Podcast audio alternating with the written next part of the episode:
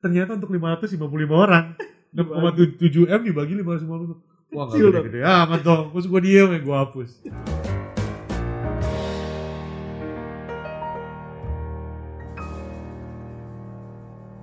Assalamualaikum warahmatullahi wabarakatuh. Selamat gini hari. Shalom Shalom.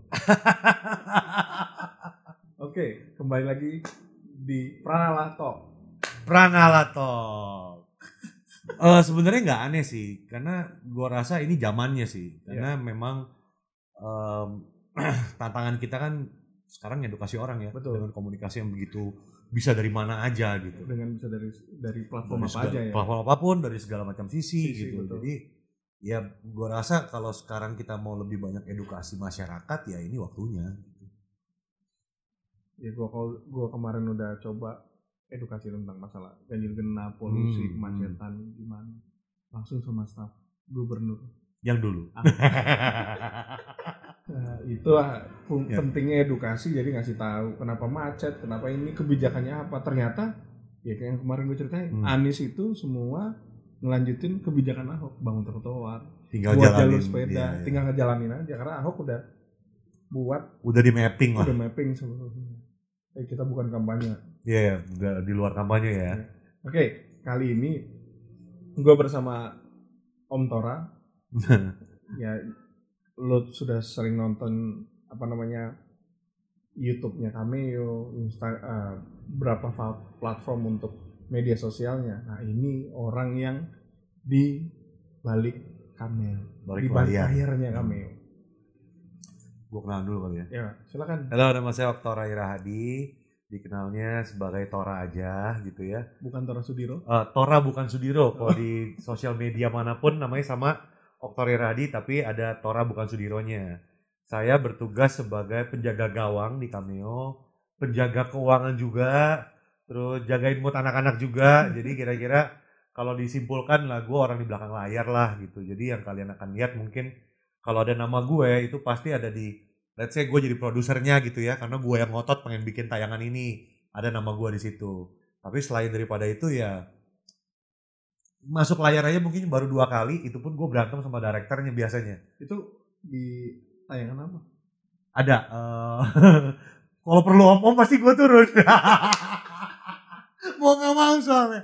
Karena kalian mukanya masih yang lain mukanya tua juga sih Iya. tapi Yosi yang paling tua aja masih masih lebih muda dari gua jadi agak sulit ya jadi gua ngelihatnya kayak ya udahlah kalau udah om om artinya sudah tugasnya gua untuk turun tangan gitu sisanya sih hampir nggak pernah dan gua lebih banyak ber- berhubungan langsung sama eh, NGO sama kementerian paling gitu lebih banyak sifatnya ke sosial ya. lebih ke sosial atau eh, ya hubungan masyarakat lah gitu Siap. lebih ke sana Nah, gue mungkin yang lain belum tahu ya. hmm. Kenapa sih dulu sampai namanya Cameo dan, dan kenapa tahun 2011 ya apa 2012 ya? oh Sekalian terbentuknya tuh kapan sih? gue cerita sedikit kali ya. Iya. Cameo itu sebenarnya perusahaan namanya PT ada deh gitu ya. Pokoknya ada PT-nya lah gitu. Kita tuh bergerak di bidang eh, production house, bikin-bikin video.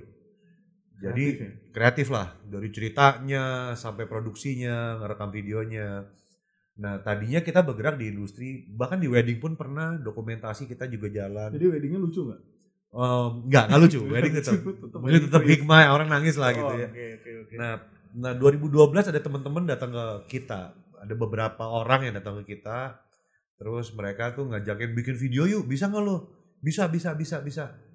Nah, akhirnya kita buat video itu nggak taunya viral.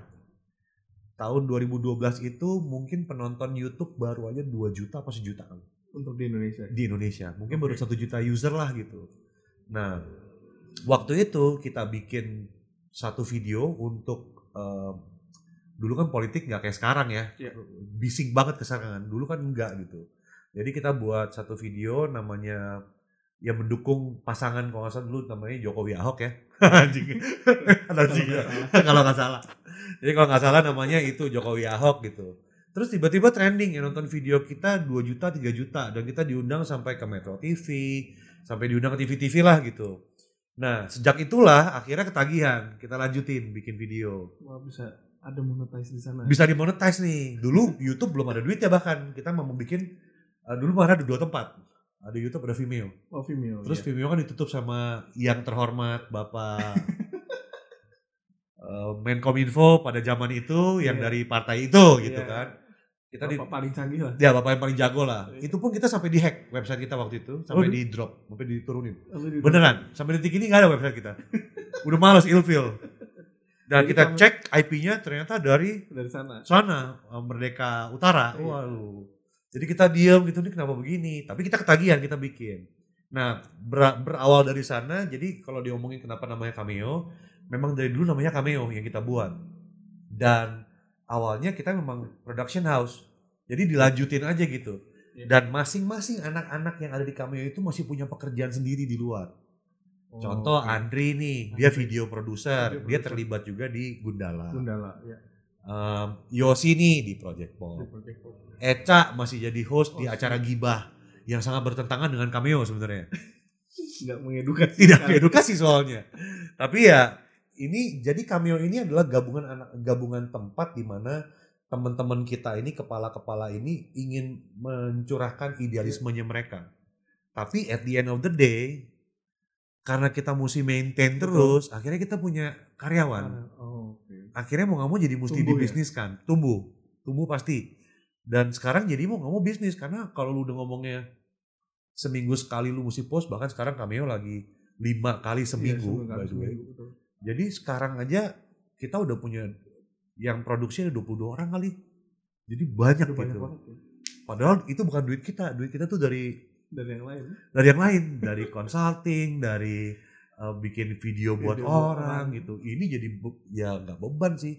Tetap ada pemasukan tapi ya pas aja gitu kit gitu. Jadi subsidi silangnya di subsidi sidang ada di situ semua bener. Kenapa? Ya kan udah pernah sebelumnya memang kan konten-konten semua yang dihasilkan itu adalah konten-konten edukasi. Hmm. kenapa pas mau maksudnya mengedukasi yang ngajak waktu ke Kementerian Perhubungan itu Om Deddy atau siapa sih? Oke.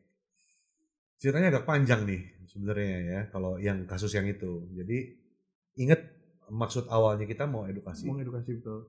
Jadi waktu kita diundang sama ini jadi istilah kata gini, kalau video ini ditaruh di tempat kita tuh sama Dedi tuh udah kayak apa ya temen lah, Ya. temen lah. Kalau perlu Tor lu tolong jualin nih. Gitu. Jadi udah temen banget gitu. Iya. Nah satu kali Dedi diundang sama Dedi udah punya kasus waktu itu. oke Diundanglah dia oleh seorang yang ada di Kemenhub bukan ah Kemenhub dalam DK, DK Dewan Dewannya dewan apa gue lupa jadi dia undang terus ayo dong kita sosialisasiin. Ini bukan masalah nggak boleh atau nggak boleh tapi segala sesuatu yang menamai penerbangan itu strict banget. Kita semua tahu lah lu masuk pesawat handphone mesti mati bahkan mau terbang lu mesti matiin semua handphone lu headset mesti dibuka tempat itu mesti dibuka apa namanya tuh senderan harus senderan mesti tegak. bertegak itu udah strict banget.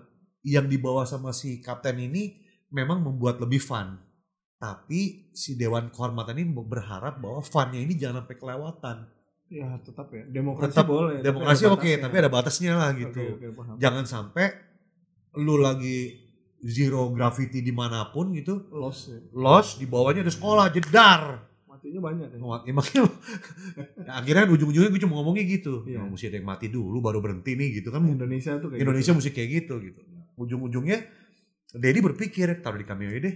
Cameo kan sangat Mengedukasi, mendidik nih, iya. mengedukasi. Tempat yang paling pas untuk mengedukasi mengas suatu isu adalah di POV itu, point of view point of view. Nah, bawaan POV ini, point of view eh, tayangan kita POV ini eh, meng- menginformasikan, tapi gayanya tuh lucu dan agak satir, agak nyinyir gitu. paham gue Itu itu udah trademarknya. ya itu udah kemasannya Udah kemasan yang di dibawa, gitu. cameo ya. Nah begitu ngebawa itu ternyata netizen Indonesia yang terhormat ini pencinta terbang semua, terbang. tukang fly semua, iya, fly, yang- dan salah, fly semua memang, udah pasti nge-fly semua fly semua, kayak bahagia banget nonton Zero Gravity orang teriak-teriak walaupun itu drama ya, gue nggak tahu lah itu drama atau enggak. Jadi kalau dibalikin ke awal bahwa tujuan kita baik, kita mau mengedukasi Mengedukasi. dengan cara yang memang gayanya kita satir, terus nyenggol banyak orang gitu. Nah, Tapi cara analogi ya gue bisa memahami itu kalau gue pun ahli dalam berkendara mobil hmm, tiba-tiba di jalan gue bolak belok kanan iya itu orang pasti akan terganggu semuanya Hmm. itu kendaraan darat ya apalagi di udara Di udara. Betul. Tapi kita ngajak dia ketemu. Ini ini for for uh, apa ya? For your info For your info ya. Kita ajak ketemu kita udah cuekin. Gitu. berarti sebenarnya cameo Om Deddy sih mau jalin silaturahmi Hmm. tapi memang mereka dianya nggak mau Iya, ya, uh, setelah terjadi macam-macam ya. itu ya Kalau sebelumnya malah hubungan kita sama dia ya strictly, eh gue udah kerjaan lu mau kerjain nggak? Gue ada job nih buat lu, syuting lu, lu jadi talent, lu mau nggak? Udah tinggal tinggal lanjut. Gara-gara itu jadi berhenti semua. Ya udahlah. Kayak gitu. Iya sih gue ngelihatnya kalau ini sebuah negara lagi kampanye dia tuh bloknya udah tahu blok siapa Terus apa ya? blok mobil oh iya. Oh iya, iya. geng Blok mobil. geng mobil Bahkan teman-teman motor gua kan gua naik motor ya, naik moge ya. Ada yang ngebelain dia. Gue lu nggak salah ya? Sampai gua gituin, adalah satu iya kalau dia Akunnya S lah itu. Iya. Lu nggak salah lu bro.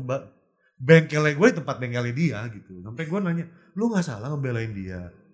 Lu mau tunggu dia jatuh dulu. Lu naik motor juga nggak ada yang gugal-gugalan kan? ya kalau lu misalnya lagi San Mori gitu kan orang biasa kan San. Mori tiba-tiba di jalan. Hampir nggak mungkin gue. Kalau ada motor gede tuh hampir nggak mungkin begitu. Beneran. iya lebih akan lebih Pasti lebih panteng gitu. Kayak lu gagah gitu. iya Kalau lu gini ini kayak pencicilan gitu. Itu Nah, ibaratkan kan dia bawa ibarat. bawa ibarat. Cessna juga kan bawa Iya, iya, iya. Mungkin Cessna jadi kecil ya. motor bebek ya Motor bebek. nggak Mio lah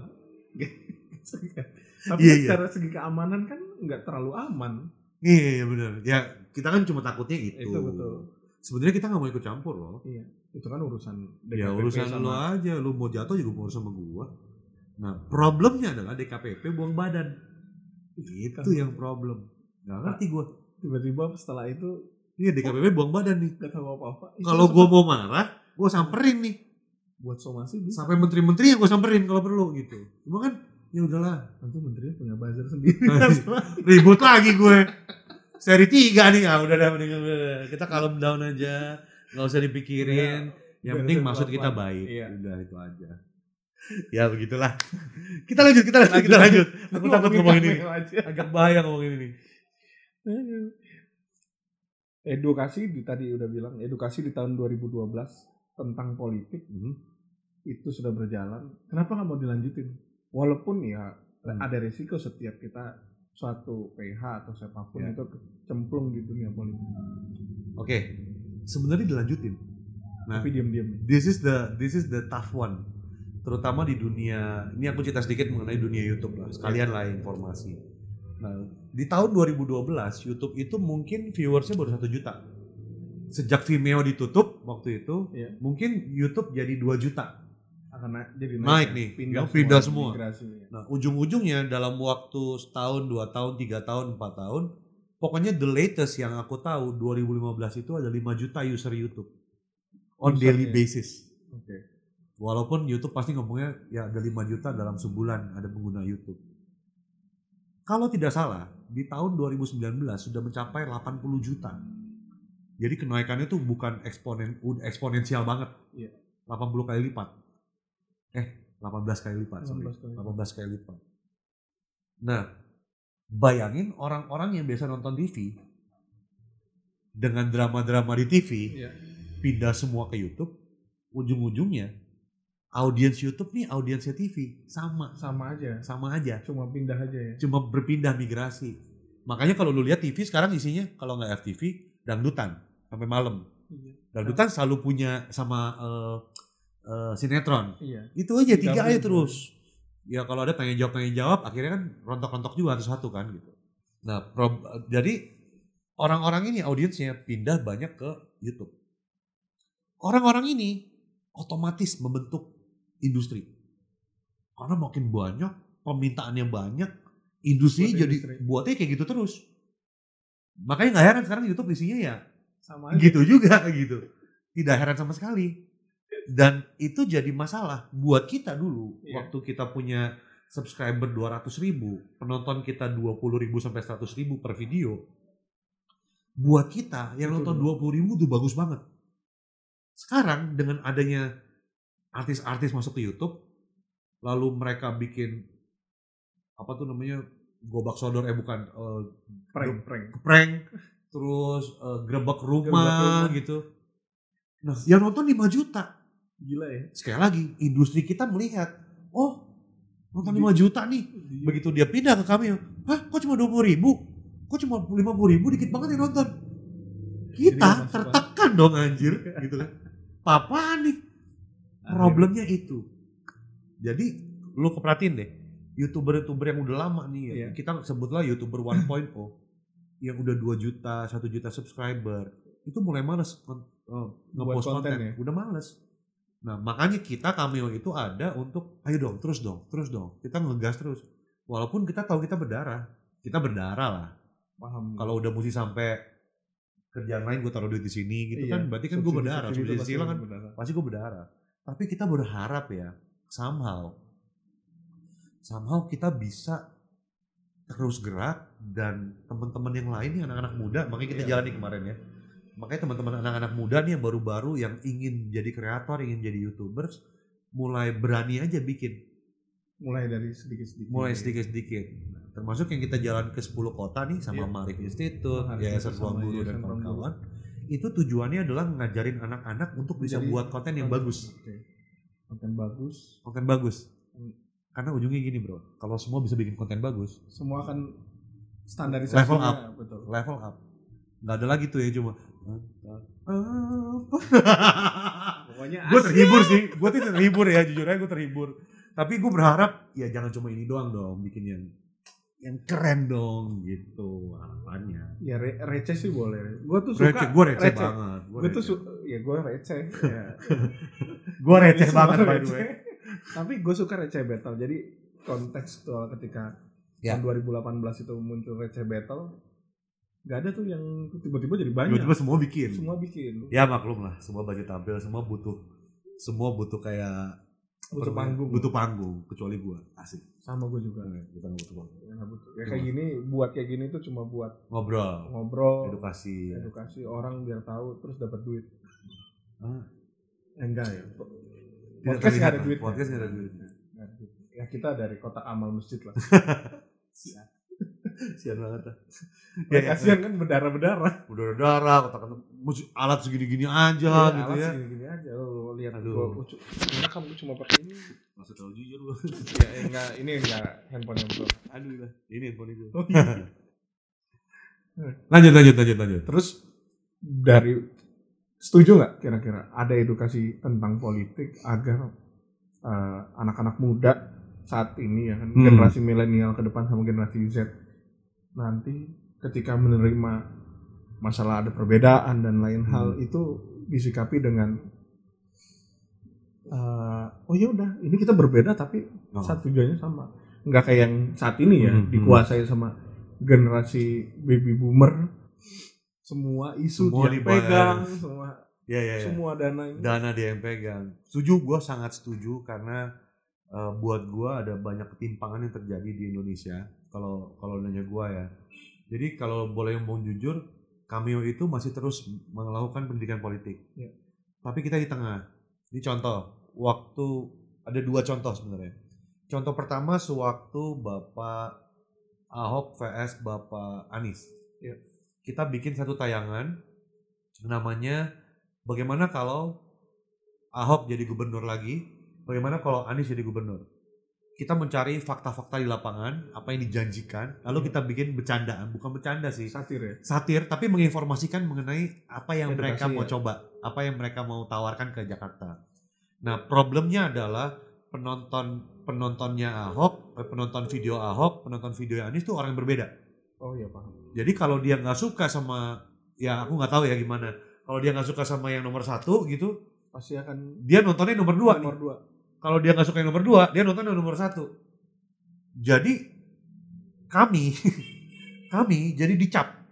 Dicapnya adalah, oh lu cebong lu, lu kampret lu.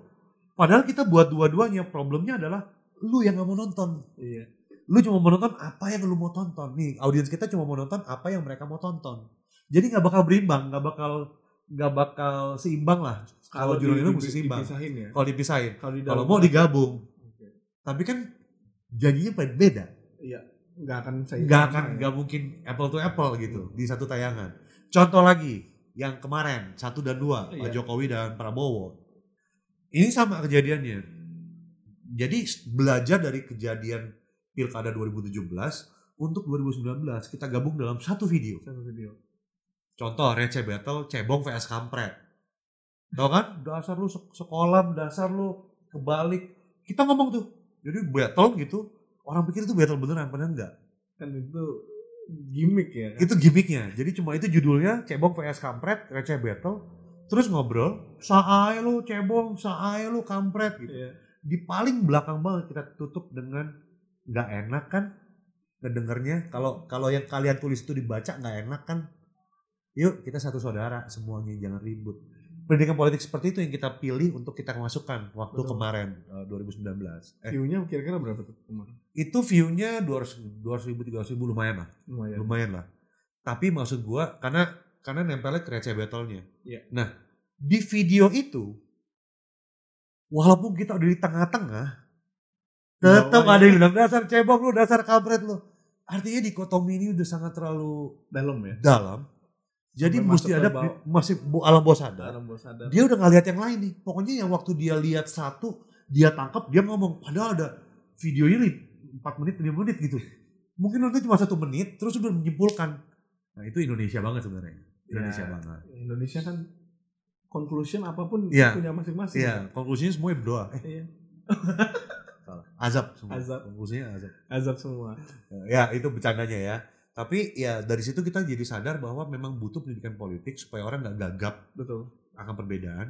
Yang bikin ini jadi tambah runcing itu ya menurut gua Influencer-influencer itu influencer tetap influencer menjaga itu ya. dia tetap menjaga bara itu.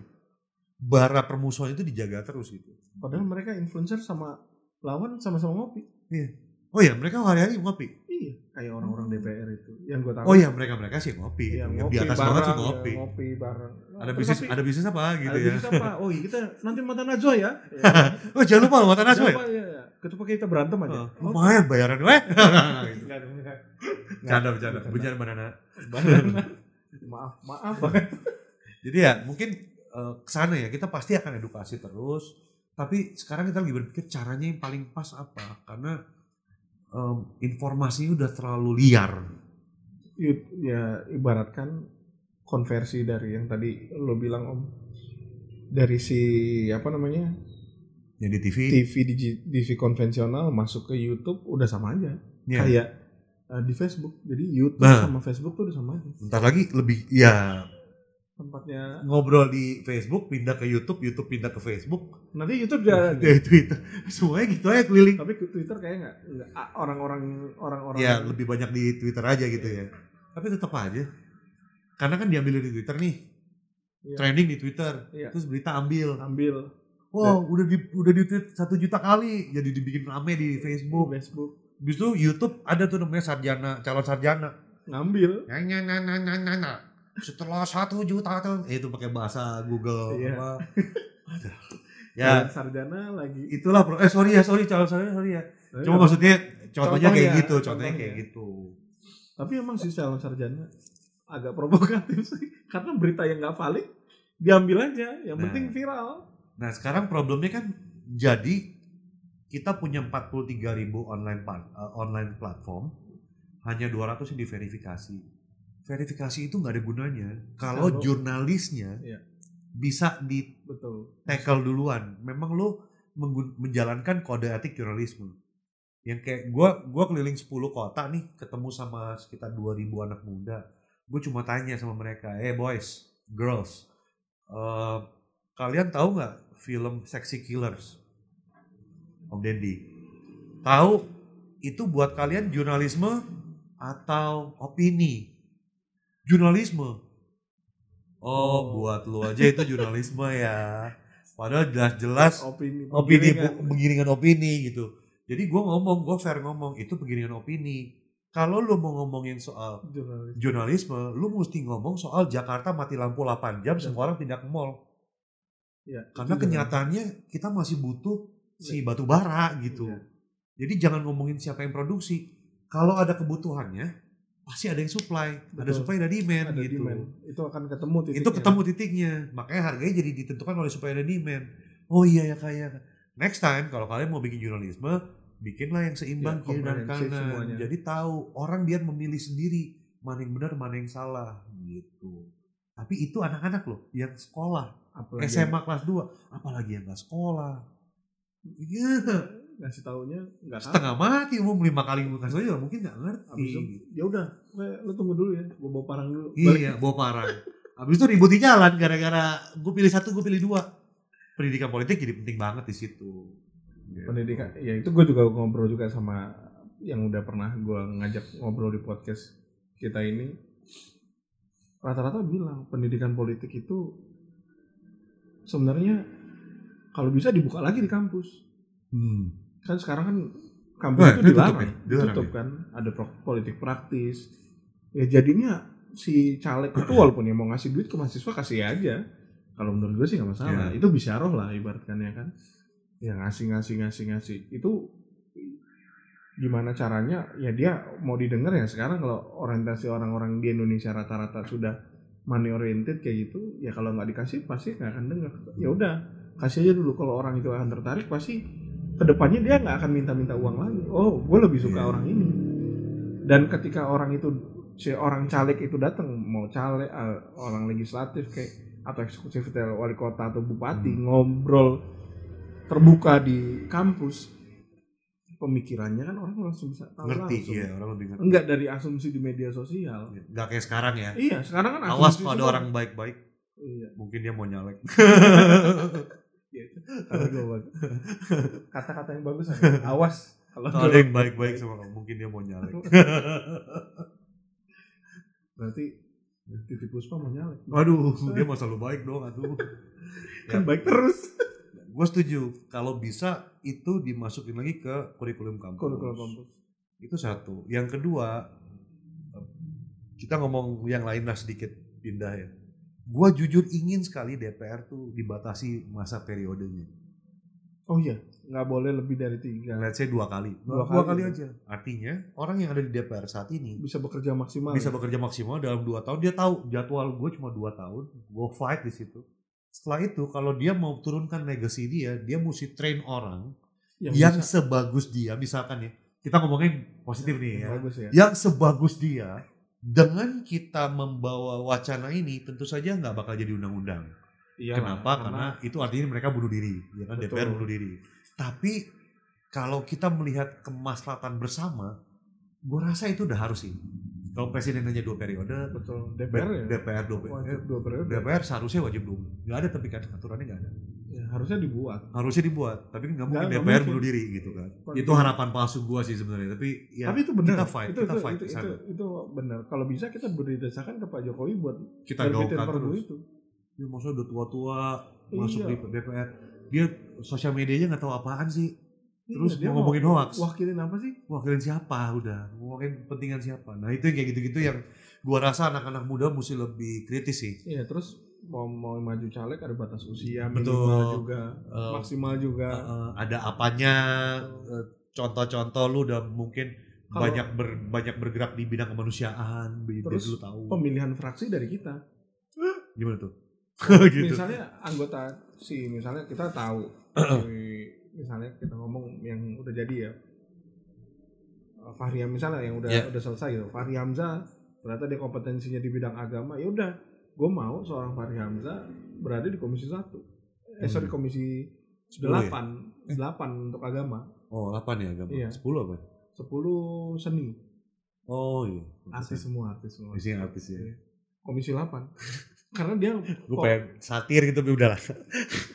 Let's keep it out Iya iya iya iya. kalau misalnya pun bicara misalnya di komisi berapa ya udah kita lihat kompetensinya Hmm. jadi kita jangan mereka yang sendiri yang memilih mau keinginan mereka Iya. di komisi berapa perhatikan ada keinginan dari masing dari masing-masing anggota DPR di pikirannya ya gue nanti bagi-bagi ini di mana Bang?" intinya sih bagaimana si DPR ini bisa komunikasi dengan konstituennya orang Betul. alias rakyat untuk melihat orang ini cocoknya di mana Iya. tapi kita yang ngomong jadi kalau perlu dipilih lagi dipilih lagi fraksi satu nih soal bidang ini. RUU-nya ada 199 eh iya 199 RUU yang belum diketok palu nih sekarang. 200 200 ya? 200 tambah kalau salah tambah Pro, 36 ya? Prolegnas ya, Ya, prolegnas itu. hampir dua hampir 250 lah 240, 240-an gitu. Nah jadi dari 240 ini let's say ini bagian fraksi A fraksi satu. Siapa yang harus ngejar ini siapa yang ngejar? Lu mau milih siapa? Tapi yang milih rakyat gitu ya? Oh, keren dong iya yang milih rakyat. Jadi Keren, tahu itu lebih gampang. Jadi iya iya iya iya. dia mau kampanye siapa? Kalau Fahri Hamzah kan ngomong sa- anggota DPR tuh malah nggak usah banyak. Kalau menurut gua harus banyak. Hmm. karena ngurusin Banyak undang-undangnya orang banyak juga, banget gitu. Ya udah mewakili berapa pembagiannya Ya, udah bener tinggal partai menunjuk si A misalnya di daerah ini yang akan siapa siapa siapa namanya lu pilih deh gitu. Jadi dia itu tidak mewakili daerahnya. Iya tapi mewakili skala prioritas nasional. Iya iya iya boleh boleh boleh. Terus sama dua satu lagi kalau menurut gua Hmm. nggak ada PNS bubarin semua PNS Wah, anjir. gimana maksudnya? Saya kurang mengerti. Iya gua gua kalau gua secara pribadi gua pengen nggak ada PNS semua kontrak. Oh pokoknya kontrak aja. Pokoknya lu kontrak. mau lu mau mengabdi ya lu ngabdi. Ngabdi ngabdi. Bayar tinggi kontrak itu ini akan otomatis berjalan kayak eh, deposito yang AR Nah. auto revenue auto pokoknya dia auto setiap tahun tuh dia nggak udah- nggak usah ada tes lagi nggak usah ada apa ketika dia punya kesalahan udah cut oh iya iya Bisa lebih juga. baik gaji tinggi daripada di diiming-imingi eh, iya iya iya iya. apa masa tua yang Indah. masa tua yang indah tidak Ya. padahal tidak seindah yang diperbayangkan mungkin indah sih jadi semua jatuhnya sama kayak menteri ya lima Iya. tahun Lima ganti tahun ganti. lima tahun ganti oh iya menarik juga menarik. Jadi kompetensi orang kan akan naik turun Hmm. naik turun dan akan hilang.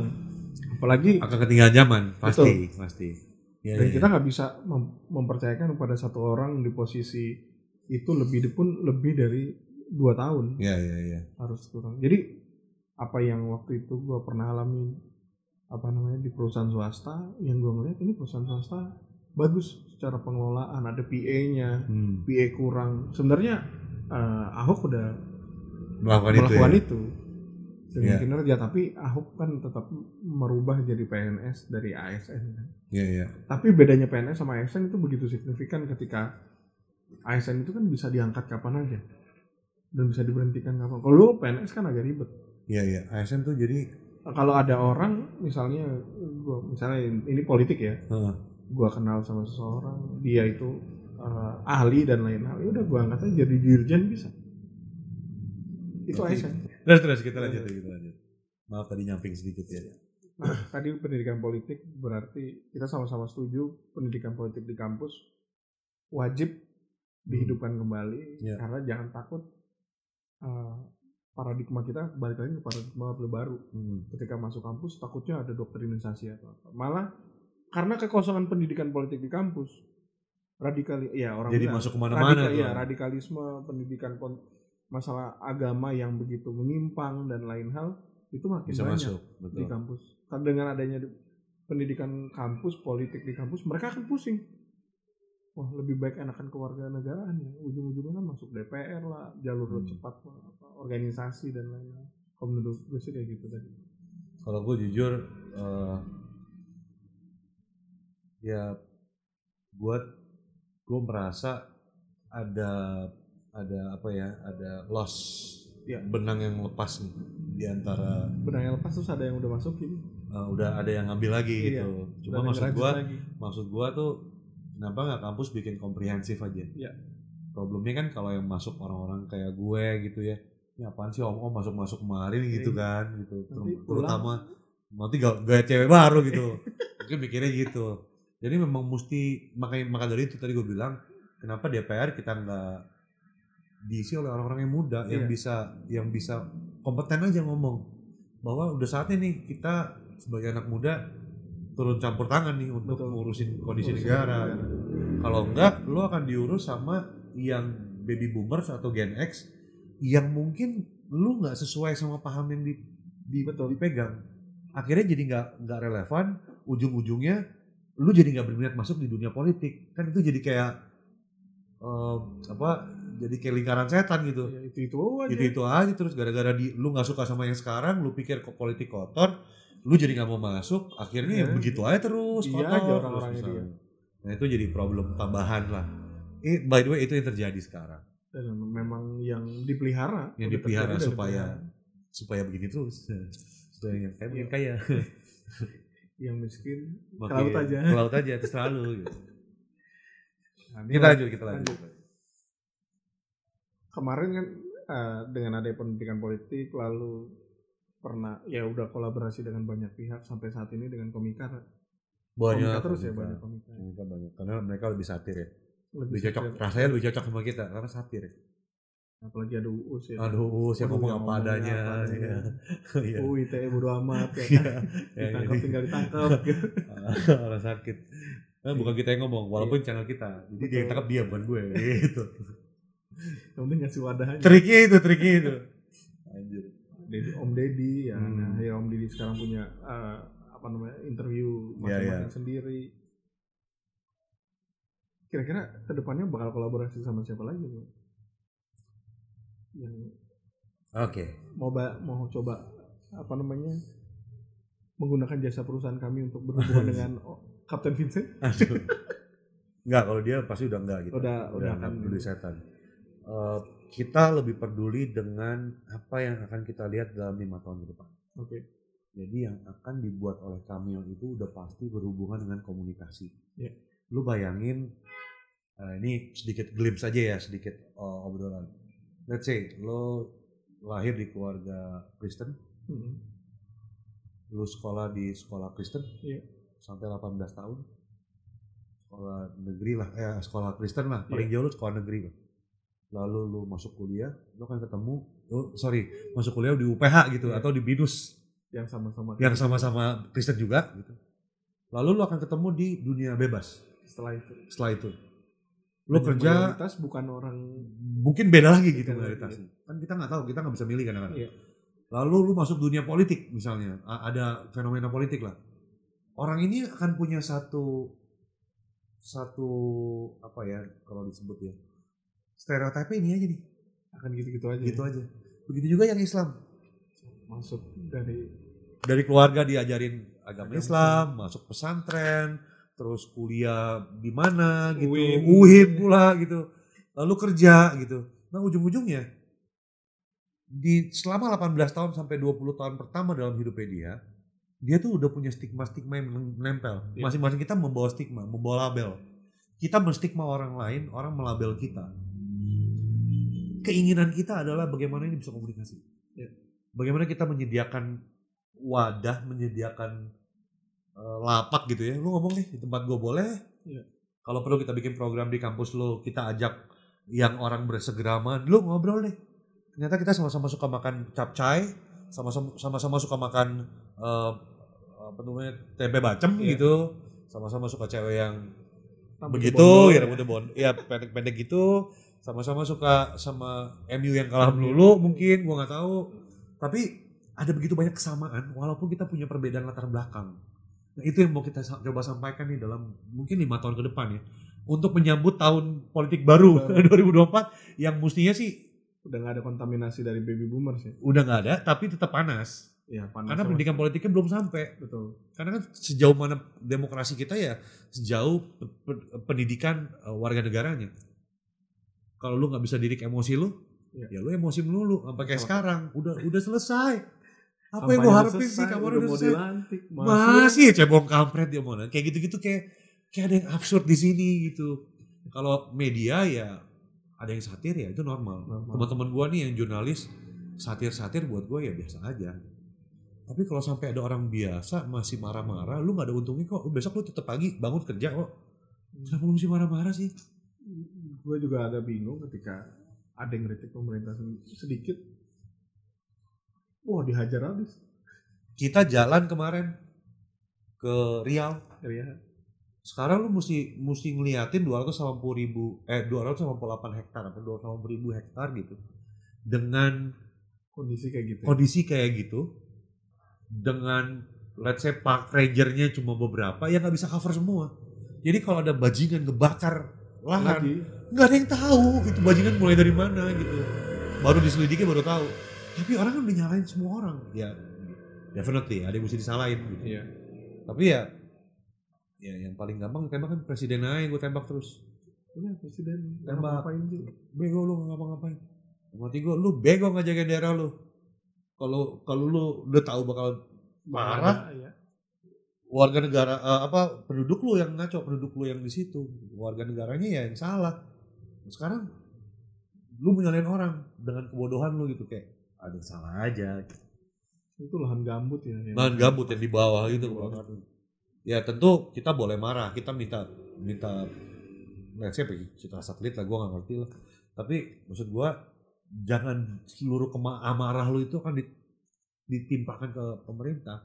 Sama kayak kemarin UU lu marah-marah sama Jokowi domainnya di DPR kok kenapa lu mesti marah-marah sama pemerintah pemerintah bisa mengajukan kalau DPR nggak sign tangan nggak tanda tangan nggak bakal resmi itu Iya.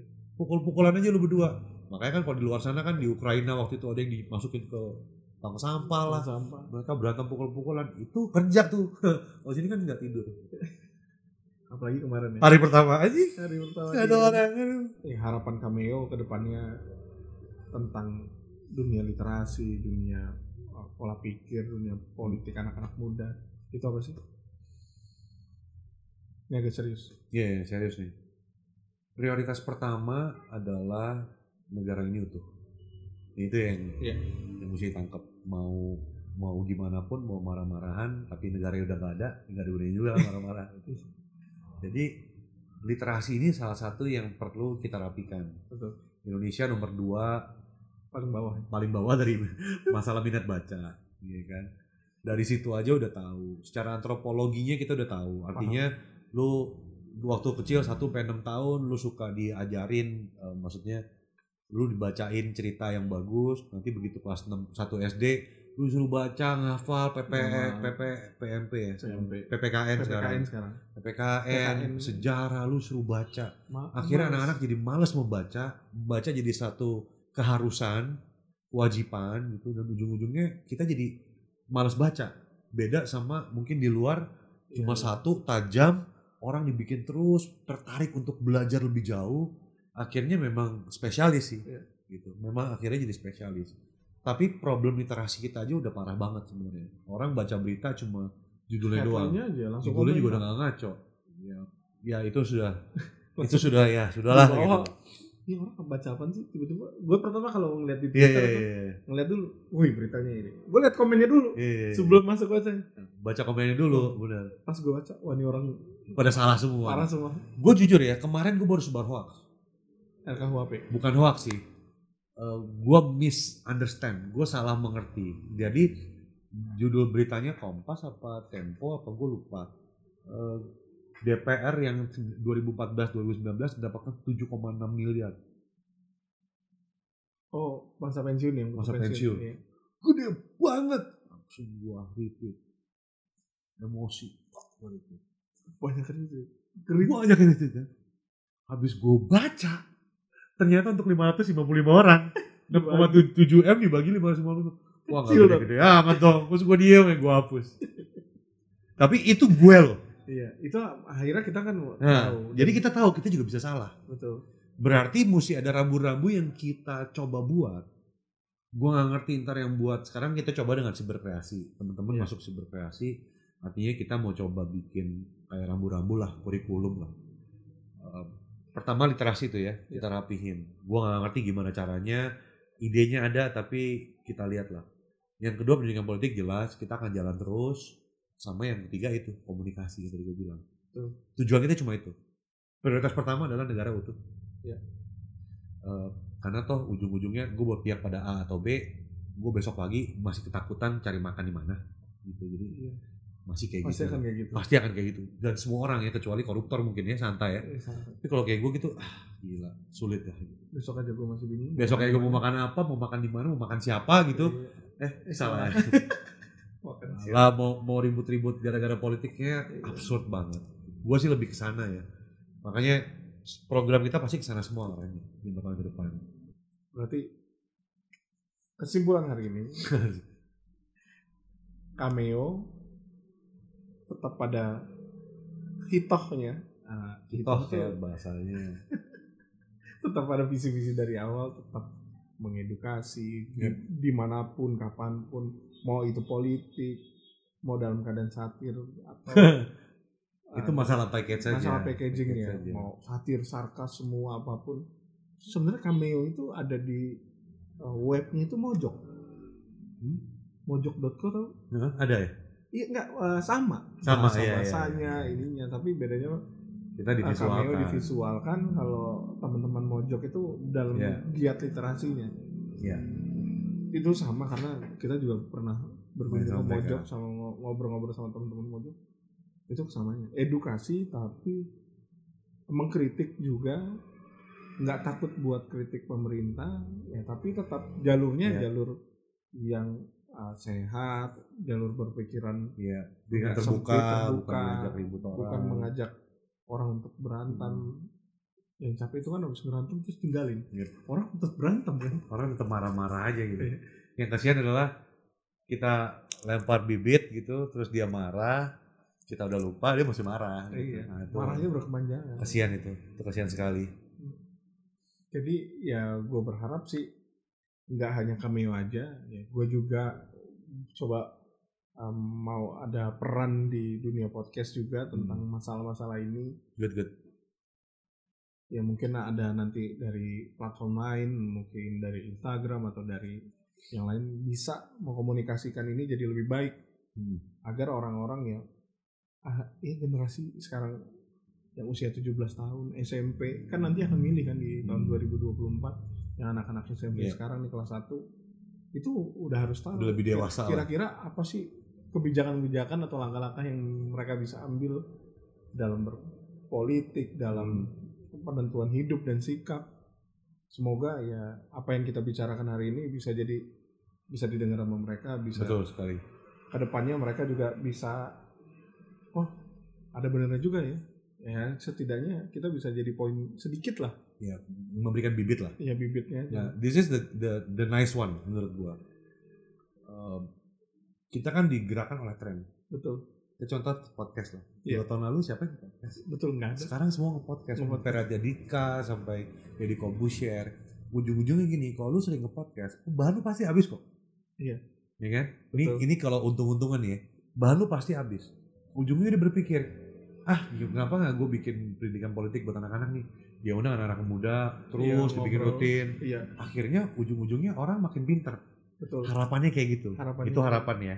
Sekali lagi eh, berharap untuk Boleh. berharap boleh, tapi kalaupun tidak terjadi ya kita yang kerjain betul gitu. Ujung-ujungnya akhirnya gitu. tetap kita harus mesti jalan. terus betul Nah, Indonesia terlalu besar untuk dikerjakan oleh dua tiga orang. Jadi kalau kita bisa ngajak sebanyak mungkin orang untuk bertempur bareng, kayak gue di Siberkreasi sekarang ada 120 komunitas di situ. Iya. Jadi rencananya kita memang lima tahun ke depan, yuk kita gerebek bareng yuk. bareng-bareng betul Gitu. Rencananya kayak gitu memang. Jadi harapannya ya semakin orang ngerti, semakin orang, gue ngerti lah orang Indonesia malas baca, tapi nonton yang Iya, lucu-lucu masih sih lu males sih gitu. denger kadang-kadang di mobil Denger sambil dengerin ya, sambil sebelum tidur lu dengerin sampai ketiduran gitu bosan. Well, harapannya ada, ada betul kesempatannya ada. Semoga kejadian. ya Kalau semoga enggak, lo akan face lagi lima tahun ke Hmm, depan yang akan cabong dan kampret ini gitu. ya pokoknya kita menghindari adanya konflik horizontal yang Betul. berkepanjangan Betul. jangan sampai Indonesia itu cuma sebatas impian bagi anak-anak kita nantinya Betul. bagi cucu-cucu kita nantinya lebih Aduh. baik Iya iya. gue gue visioner banget ya Iya, iya. Serem sekali ya. Saya anak dulu aja takut cucu sama cucu. ya pokoknya eh, jangan sampai hanya sebatas impian bagi Betul. mereka buat kebebasan demokra ber apa namanya bermuka pendapat Hmm. sampai ya diskusi aja nanti jangan sampai dibubarin lagi ke depan oke terima kasih buat buat cameo ya, Thank you juga teman-teman. Thank you. Uh, sudah diberi kesempatan, sudah bisa ngobrol-ngobrol. Semoga di obrolan lain kali sama Cameo bisa ngobrol lagi. Nanti gue ajak Ibob. Biar Siap. Ibob yang ngobrol. Nah, Mungkin kalau ngomongannya apa gitu ngobrol. Ibob ya? Ibob tuh suka nafsu ngelawan KPI. Tadi kita ngomong tentang KPI. Nah, Gue coba lihat KPI apa masalah-masalah apa yang rusak di KPI. Enggak KPI sebenarnya bagus, Iya iya iya. tapi emang rusak aja. Emang rusak. Isinya nggak benar. Ya udah. Iya, benar. Oke, terima Siap. kasih. Assalamualaikum warahmatullahi wabarakatuh. Shalom. tak sebutin, Ya tak, sebut sebut. tak sampein semua. Terima Om kasih. Swastiastu, Terima kasih. nama budaya. Sampai jumpa. Sampai jumpa.